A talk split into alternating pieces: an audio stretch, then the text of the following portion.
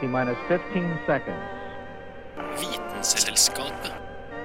T minus 10, 9, 8, 7, 6. We have main engine start. 4, 3, 2, 1, and liftoff. Vitenselskapet. Vitenselskapet på Radio Nova.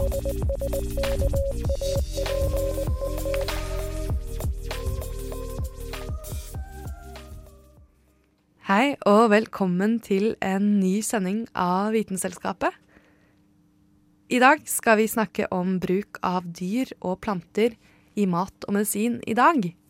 Og vi skal også smake på noe ganske spesielt. Jeg heter Sunna Blix, og med meg i studio har jeg Anna Vik Rødseth, Hallo. Hanne Grydland, Hei. Aurora Thommessen Hallo. og Kristin Grydland. Hei, hei. Jeg har med meg noe helt spesielt i dag, eh, Sunniva. Eh, Det er nemlig rundstykker som jeg har lagt på insekter. Som jeg tenkte at dere alle skal få smake på, og jeg også, da. Etterpå. Hmm, spennende, kanskje litt jeg vet ikke, litt ekkelt. men Jeg håper dere gleder eh, dere. Ja, jeg gleder meg veldig. Jeg gleder meg veldig. Ja, de ser jo veldig eh, De ser kanskje litt utradisjonelle ut til å være rundstykker. Ja, de ser litt sånn kompakte ut, egentlig. Vi får se. Jeg har ikke smakt på det. Ja, det blir første gang jeg spiser insekter frivillig, i hvert fall. Så jeg får bare kjøre på, da. Hæla i taket med Vitenselskapet.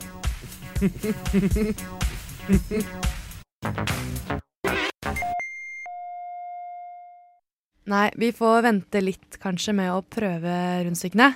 Men det er jo ikke bare insekter som mennesker kan ha nytte av, eller hva, Hanne? Det stemmer, eh, Sunniva. Fordi den medisinske industrien, de drar faktisk nytte av et eh, 450 million år gammelt dyr som heter hesteskokrabben. Um, og hesteskokrabben, eh, det er eh, ikke en krabbe. Eh, det er heller ikke en hestesko, men eh, det er, det er et edderkoppdyr som lever i havet. Det ser ut som en, på en måte en hard rokke med en sånn pigg ut. På størrelse med ca. et menneskehode. Litt større. Hvordan kan det være et eh, edderkoppdyr som heter krabbe og lever i havet og ikke ser ut som en edderkopp? Det, det er et godt spørsmål, Kristin. Den stammer, altså En av deres nærmeste slektninger er faktisk euriptidene. Som de er utdødd nå, da. Men en gang i tida så var de verdens største leddyr som noen gang har levd på jorda. De var tre meter lange, og munnen var som en edderkoppmunn. Fy søren. Jeg er glad de er litt, blitt litt mindre. Jeg er glad de er utdødd, egentlig. Ja, og disse um, hesteskokrabbene de er ikke farlige for mennesker, som slektningen deres kanskje hadde vært om den levde. De er faktisk veldig nyttige for oss mennesker, fordi blodet til hesteskokrabben eh, det inneholder noe som heter lysat. Og når man tilsetter Når bakterier kommer i kontakt med lysat, så koagulerer det. Sånn at man, eh, man kan bruke lysatet, da, eller krabbeblodet, som en test for å sjekke om det er bakterier i, i medisiner som skal ut i markedet. da. F.eks. insulin eller vaksiner. Wow. Men- det er en slags test da, før det blir solgt ut? Ja, det var faktisk eh, på 60-tallet hvor man fant ut av det. At eh, krabben Fordi hesteskokrabben den lever jo mest Altså den lever jo i havet. I et miljø hvor det kan være ganske mye bakterier og virus og sopp. Så for å beskytte seg mot de farene i havet, da, så inneholder blodet denne, dette lysatet. Som på en måte binder viruset og soppen og, og bakteriene, da. Som kan være farlige for krabben. Hvordan ser dette blodet ut? Eh, det er faktisk eh, ser litt annerledes ut enn en menneskeblod. Det er faktisk blått. Nei, Kongelig, kongelig blod? Ja, Betyr det at dette her egentlig er vår konge? Eller kongekrabbe? Havets konge. Ja, kongekrabbe. kongekrabbe, ja. Ja, nei, du kan jo Det er, det er litt sånn eh, rojalt blod. Men, men det er ganske en sånn en enkel forklaring på hvorfor det er blått, da. Fordi det inneholder kobber. Mens eh, menneskeblod inneholder jo jern. ja. Mm. Hvordan får de tak i det her eh, stoffet, da? Godt spørsmål, eh, Kristin. Det er jo det er to forskjellige måter da, å fange krabbene på. Eller Først så må jeg si at de krabbene de finnes fire forskjellige steder i verden. Eller det er to forskjellige steder i verden. Tre av typene befinner seg i Sørøst-Asia, og én av typene befinner seg i USA. Og måten man fanger det på, er at enten så fanger man dem i nett, altså med tråling, eller så går man og sanker dem på stranda når de kommer opp i tusentalls for å gyte da, på strendene. Og den eh, innsankingsindustrien av uh, hesteskokrabber er faktisk ganske stor. Fordi det er sinnssykt dyrt med sånn uh, hesteskokrabbeblod. Veldig etterspurt. For tre milliliter så koster det 1000 kroner. Wow. Oi. Men altså, unnskyld meg, eh, de, den industrien der, de har vel, de har vel råd til å, til å spandere på seg kanskje 300, eller Ja, så jeg vil jo tro at de medisinske selskapene tjener på det på sikt. Men det som er litt spesielt, da, eller kanskje litt makabert, er jo at eh, når krabben er sanket og tatt med til eh, laboratoriet, så henges den opp ned, sånn at hjerteområdet kommer til syne. Og så stikker de en nål inn i hesteskokrabben og tapper den for en tredjedel av blodet sitt. Wow. Hvordan Eh, overlever den det? Nei, det er det som er så kult, da. At eh, etter et par timer, når de har tappa blodet, så kan de føre den tilbake til havet. Og da tar det noen uker eller måneder før blodnivåene er tilbake som de var, da. Og da kan de eh, Da merker de den på skallet, sånn at de ikke skal sanke den mer det året, da. Så det skal gå et år til neste gang. En sånn ufrivillig blodgivning. Eh, ja, en, en slags obligatorisk bloddonor. Kanskje ikke det er så en dum eh, ting Norge stat skal tenke på, for å sanke inn for litt, litt flere blod, blodgivere? Rett og slett bare gjøre det obligatorisk. ja, men mener du at eh, folk skal drive og eh, hanke inn folk på gata, og så tappe blodet deres, og så sende dem ut igjen? Ja, det er det ikke sånn de gjør det hvis det f.eks. er ulovlig ulovlig bloddonasjoner? Da? At hvis de kan bare ta et par folk på gata og holde dem fanget et par uker og Det er kanskje litt makabert. Men det skal sies at 15% av hesteskokrabbene dør da, i den prosessen her. Dette er bare i USA, for i, i Asia der er de ganske mye mer brutale. Der dør alle krabbene, for der bruker de det til matproduksjon og sånn etterpå. Oi. Men altså, de har ingen uh, alternativer til Jo, ehm, det er det. Nå er det jo på en måte De hesteskokrabbene blir jo litt utrydningstrua etter hvert, i hvert fall i Asia, som følge av overforbruk. Så da jobber forskere med å, å lage en syntetisk variant, da. Så nå så tror man at man har kommet fram til noe som kan brukes. Men, eh, men enn så lenge så er det de hesteskokrabbene som er liksom testen for om det finnes bakterier i vaksinene våre, da. Interessant. Visst, visst, visst, visst, visst, du at? Visste du at? Tobakkssvermeren som larve bruker dårlig ånde som forsvarsmekanisme? Larva kan ete og fordøye nikotin fra tobakksplanta, og når fara nærmer seg, kan den skyte ut giftig gass. Dette beskytter den vesle larva fra ondsinna edderkopper. Visst, visst, visst, vis,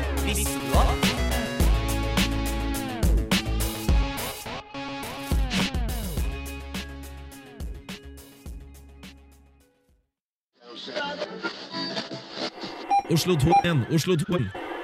Dette er Vitenselskapet. Radio November, Oskar, Viktor, Alfa.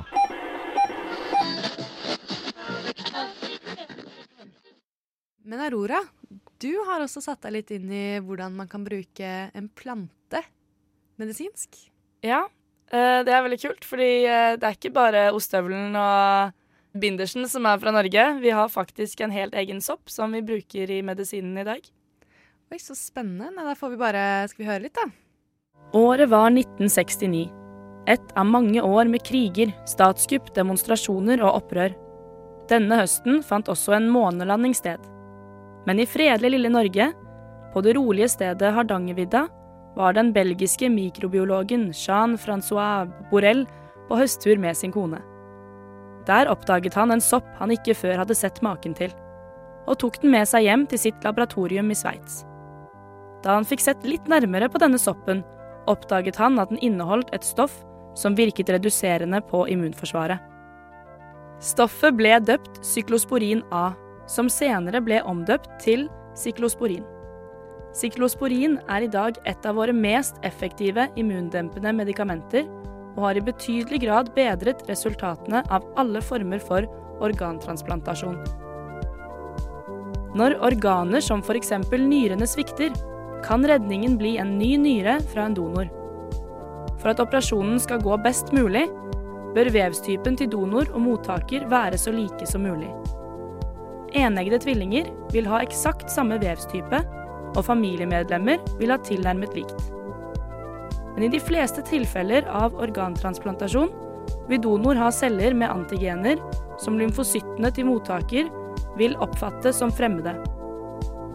Om man ikke griper inn og hemmer T-cellene, immunforsvarscellene, som er beskytterne i kroppen, vil T-cellene gå til angrep på de nye cellene, slik at det nye organet blir ødelagt og utstøtt. Det at stoffet hemmer immunforsvaret, er jo det som er så genialt med siklosporin. Men dette er også en negativ effekt. Pasienten vil ha mye større sannsynlighet til å ta opp andre virus og bakterier, siden immunsystemet ikke virker slik det skal. Det er derfor vanlig å ha pasientene på isolasjon en god stund etter operasjonen. Det er nødvendig for pasienter som har fått nye organer, å ta medisiner som hemmer immunsystemet resten av livet. Men dosen vil reduseres med tiden.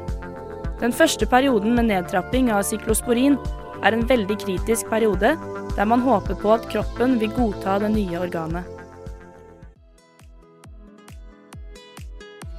Vi begynte allerede å transplantere organer i Norge i 1969 selv om bruken av siklosporin ikke ble godtatt før i 1983. Siden 1969 har det blitt gjennomført over 1492 organtransplantasjoner i Norge. Men det er fremdeles store forbedringspotensialer på dette området. Dette fordi det er langt flere personer som trenger organer enn det er donorer. De fleste donorer i dag er avdøde personer som har valgt å donere kroppen sin til transplantasjon eller forskning. Men det er også levende mennesker som velger å donere organer. Da oftest et familiemedlem av pasienten. For å øke tilgangen på organer forskes det på om det er mulig å transplantere organer fra dyr til mennesker. Om vi finner en måte å få det til å fungere på, vil dette være en stor forbedring i fremtiden. Det er også nødvendig at pasienten har samme blodtype som giver når man transplanterer organer. De som har blodtype 0, kan donere til alle andre blodtyper. Men om du f.eks. har blodtype A, vil du kun klare å donere organer til de med blodtype A og AB. Å vite vet Vitenselskapet.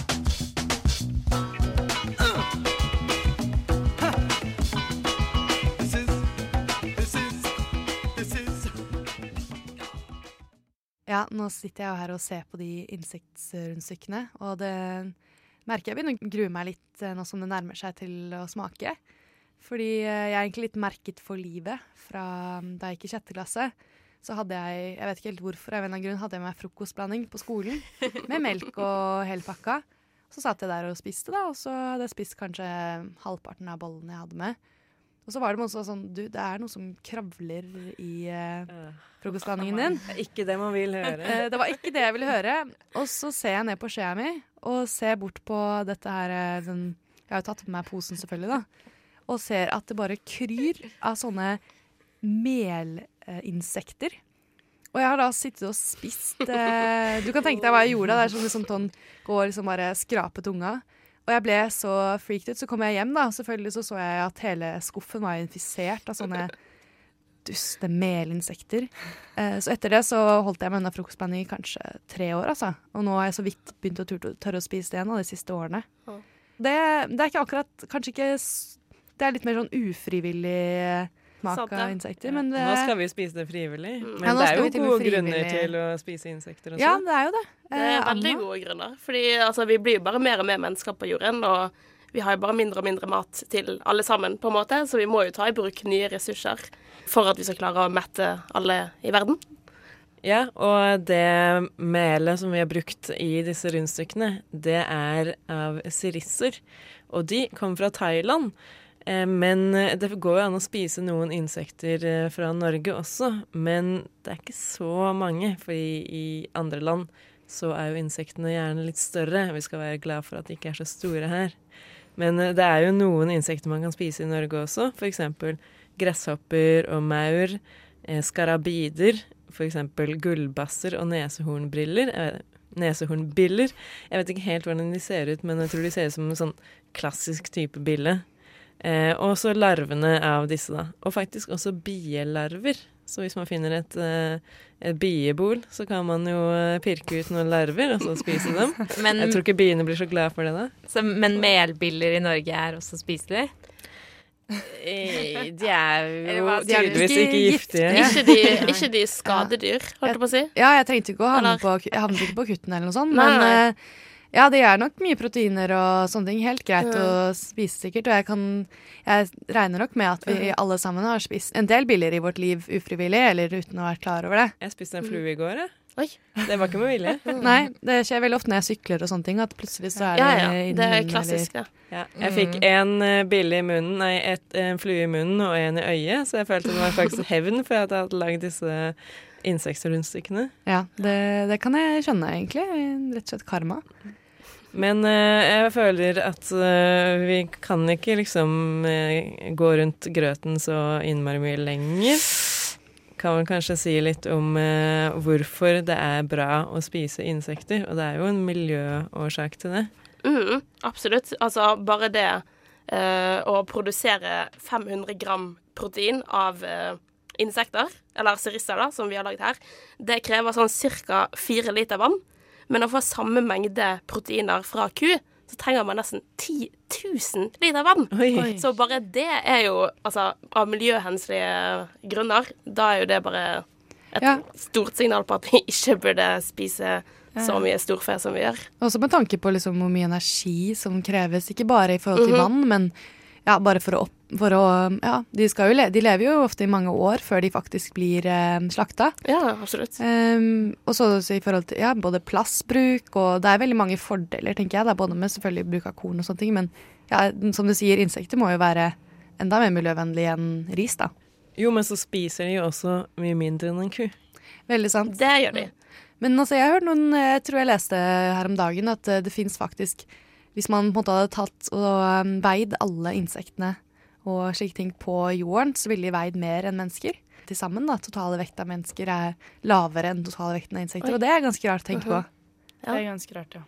Da er det mye insekter, altså. Det er nok mange flere enn vi tror. Ja, Men de formerer seg veldig lett, så man kan jo ha dem i sånne svære farmer, og det er jo det de gjør med sånne sirisser. Da har de sånne farmer i Thailand. Jeg vet ikke helt hvordan de gjør det. Jeg, jeg innbiller meg at de bare sperrer alle inne på et rom, og så gir dem litt mat, og så, og så tar dem ut, og så maler det til mer. Mm. Hvor store blir de thailandske sirissene? Eh, Det vet jeg faktisk ikke. Uh, jeg leste om det, men jeg leste trenger ikke på størrelsen. det. Nei. Ja, OK, så de sirissene vi skal spise nå, eh, de er på en måte ikke sanka én og én i naturen. De er liksom avla frem på en sånn De her er Farm. avla frem, ja. Og Aketa domesticus heter de på fancy. Eh, og det er egentlig hussiris. Og de kan brukes eh, som mat til dyr, og også som husdyr. Altså sånn eh, kjæledyr. hvis du har lyst til det. Hvis du syns det er morsomt å ha en gresshoppe som eh, kjæledyr. Hvis, hvis, hvis, hvis, visste at? Visste du at? En bakterie har blitt overført fra oss mennesker til planter? En type bakterie som forårsaker akne hos mennesker, har nylig blitt funnet i vindruer. Dette er første gang en bakterie har blitt observert i å gjøre dette. Visst, visst, visst, visst, visst, du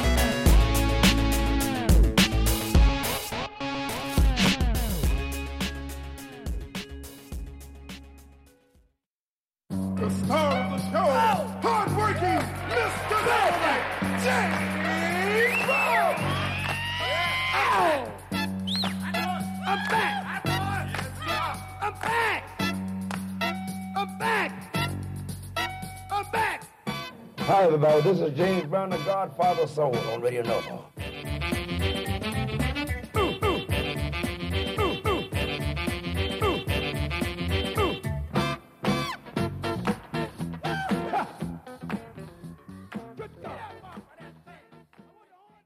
Men før vi smaker på det, så tenkte jeg at dere kunne få lukte på det. Så det ligger en pose hvor melet har vært, som du kan åpne der. eh. Ja.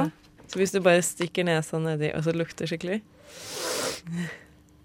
Ja, det Det ligner jo litt, altså Fargen er litt sånn, det ligner litt på pepper, egentlig. Ja, synes jeg. det gjør det. Og det minte veldig om bare fiskefôr, Ja, liksom. det lukter sånn dyrebutikk. Ja, det gjør det.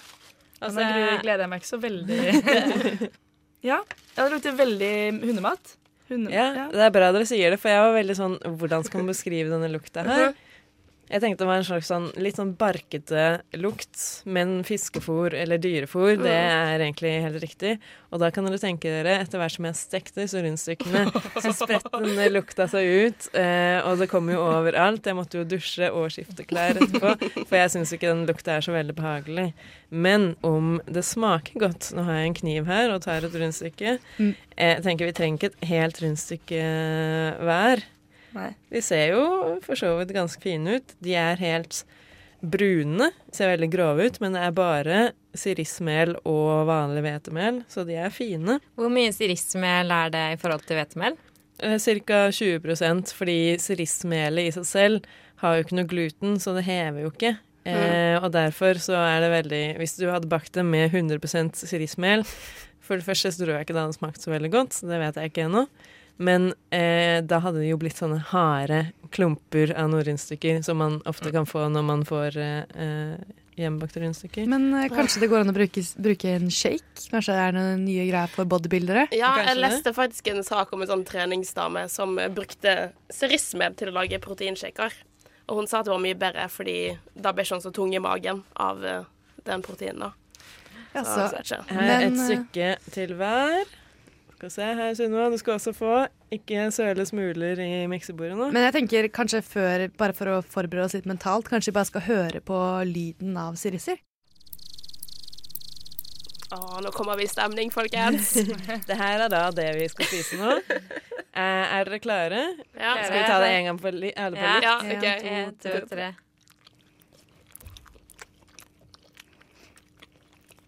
Ja. Altså, det smaker jo egentlig litt kjedelig. Det smaker akkurat som vanlige um, rundstykker. Jeg syns det smaker enda litt tørrere. Ja, Ja. det var Ja. litt tørt. Og Ettersmak er litt gress, ja. um, ja, Smaker litt fiskefôr. Ja, det gjør det. Ja, det smaker sånn veldig sunt, liksom. Mm, ja, veldig sunt. Mm. Men kanskje det hadde vært bedre med pålegg? Mm, ja. Som Det hadde overdøver smaken. Ja, for nå spiser vi det jo helt plain. Eh, og så tenker jeg kanskje hvis man hadde lagd grove rundstykker hvor det hadde smakt liksom noe annet hadde overdøvet smaken. Jeg tror konklusjonen her er at man trenger noe for å overdøve liksom, den verste Ja, smaken. mhm. Ja. Men den smaker ikke så mye. Men det var veldig tørt.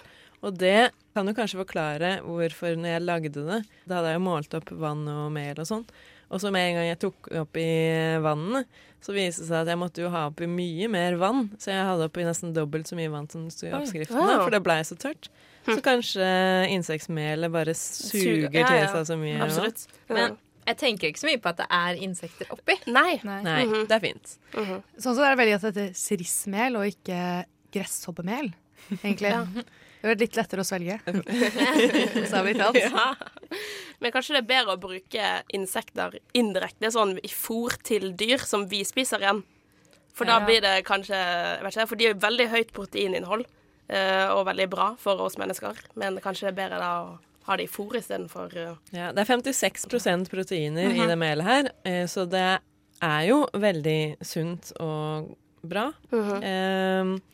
jeg syns ikke det smakte så innmari ille. Jeg tror at det her kan bli i framtida. Eh, bare en annen oppskrift. Det jeg ikke liker med insekter, er jo å se på insektet og så Mhm. føle det lever nesten nedover halsen. Det gjør man jo ikke i det hele tatt med det melet her. Nei, jeg tror jeg tenker det hadde vært litt sånn crunchy og sånn, så hadde det vært noe helt annet. For min del i hvert fall. Ja, enig. Var det dyrt, det melet? Det var ganske dyrt. 120 for 100 gram. Ja. Så. Så, Men eh, veldig god service. Uh, unik mat. Shout-out. Imponerende. Fikk det levert to timer senere. Bra service, ass. Ja, Hvis det er noen som er interessert i å prøve det selv, Så er det å sjekke ut der. Det er en Mm. av leverandørene, i hvert fall. Men kanskje ikke fine rundstykker. Kanskje grove rundstykker med en del pålegg på. Ja, for da blir det litt sånn Og kanskje noe sånn havregryn eller litt nøtt, frø eller nøtter eller noe sånt. Det kunne kanskje funka. Mhm. Men uh, jeg vil si, si gi stjernekast, da. Ja, terningkast. Terningkast. Uh, jeg vil si en treer. Fordi det var Jeg føler at det er tanken på insekter som uh, gjør at det er ekkelt, ikke selve smaken. Hvis vi nå setter de her ut på pauserommet på Radio Nova, eh, slik at de blir spist opp, fordi mat har en tendens til å bli spist opp når man setter det på pauserommet på Nova, så tror jeg ikke det er så mange som kommer til å merke at det er insekter, eller tenke på at det er det. Men tror du virkelig at de kommer til å bli spist opp? De ser jo veldig eh, sunne ut. Og det er kanskje ikke så innbydende. Vi kan sette en boks med Nugatti ved siden av. Ja, det er en idé. Nei, Aurora, hva vil du være ditt terningkast? Nei, jeg tror faktisk jeg vil gitt en fire. jeg. Fordi Oi. eh, jeg syns egentlig ikke det er så skremmende med tanken på insekter. Du har jo spist opp nesten Ja, jeg hele biten. opp nesten. Jeg sitter der og holder meg liksom venter til vi er ferdige, så jeg kan spise mer. Nei, det var ikke sånn superdigg, men eh, jeg tror jeg kunne ristet et rundstykke og tatt litt smør på, så tror jeg det er ganske godt. Ja, eh, tre pluss. Eh, den tanken trekker eh, veldig opp. Smaken trekker en, en del ned. Men eh, man skal jo smake på nye ting ganske mange ganger før man begynner å like det, da. Så. Ja, det er sant. Jeg òg ville også kanskje gitt en treer, for jeg syns ikke det var så godt. Men det er sikkert mye bedre med pålegg, som alt annet, liksom. Men ja.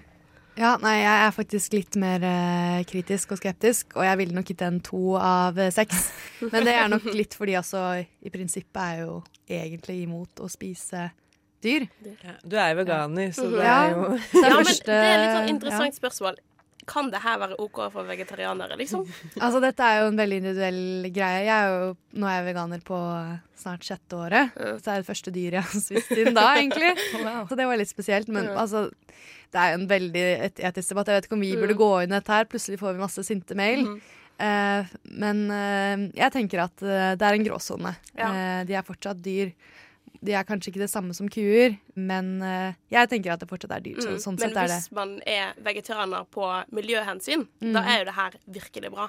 Altså, Ja, da kan man kanskje heller ikke kalle seg vegetarianer, da, Nei, i utgangspunktet. Men jeg er enig i det at det er en gråsone, og det er, det er noe som er mer miljøvennlig enn å spise kjøtt, i hvert fall. Så det å erstatte eh, biffen med insektrundstykker, det er kanskje ganske bra, egentlig. Det tenker jeg er en god, et godt alternativ. Insektmel godkjent. Ja, jeg vil si approved. Yes. Vitenselskapet. Vitenselskapet på Radio Nova.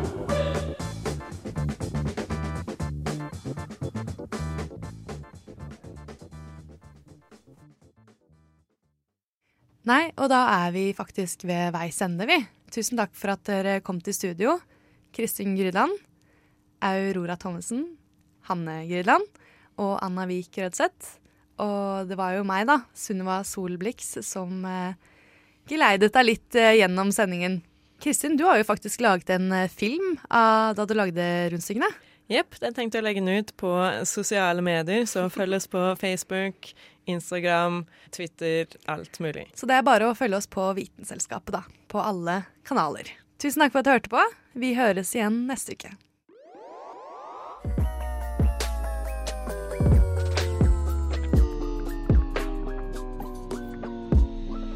Vitenselskapet.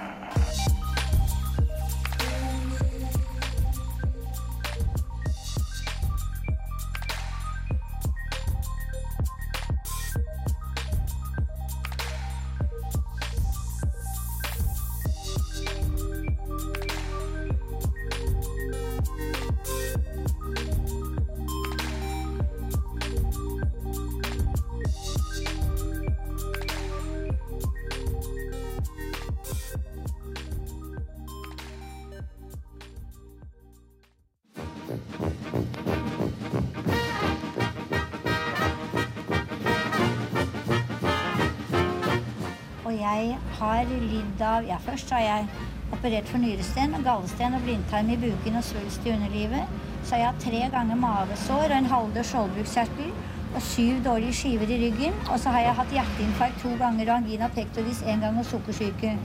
Og nå er jeg bra. Radio Nova.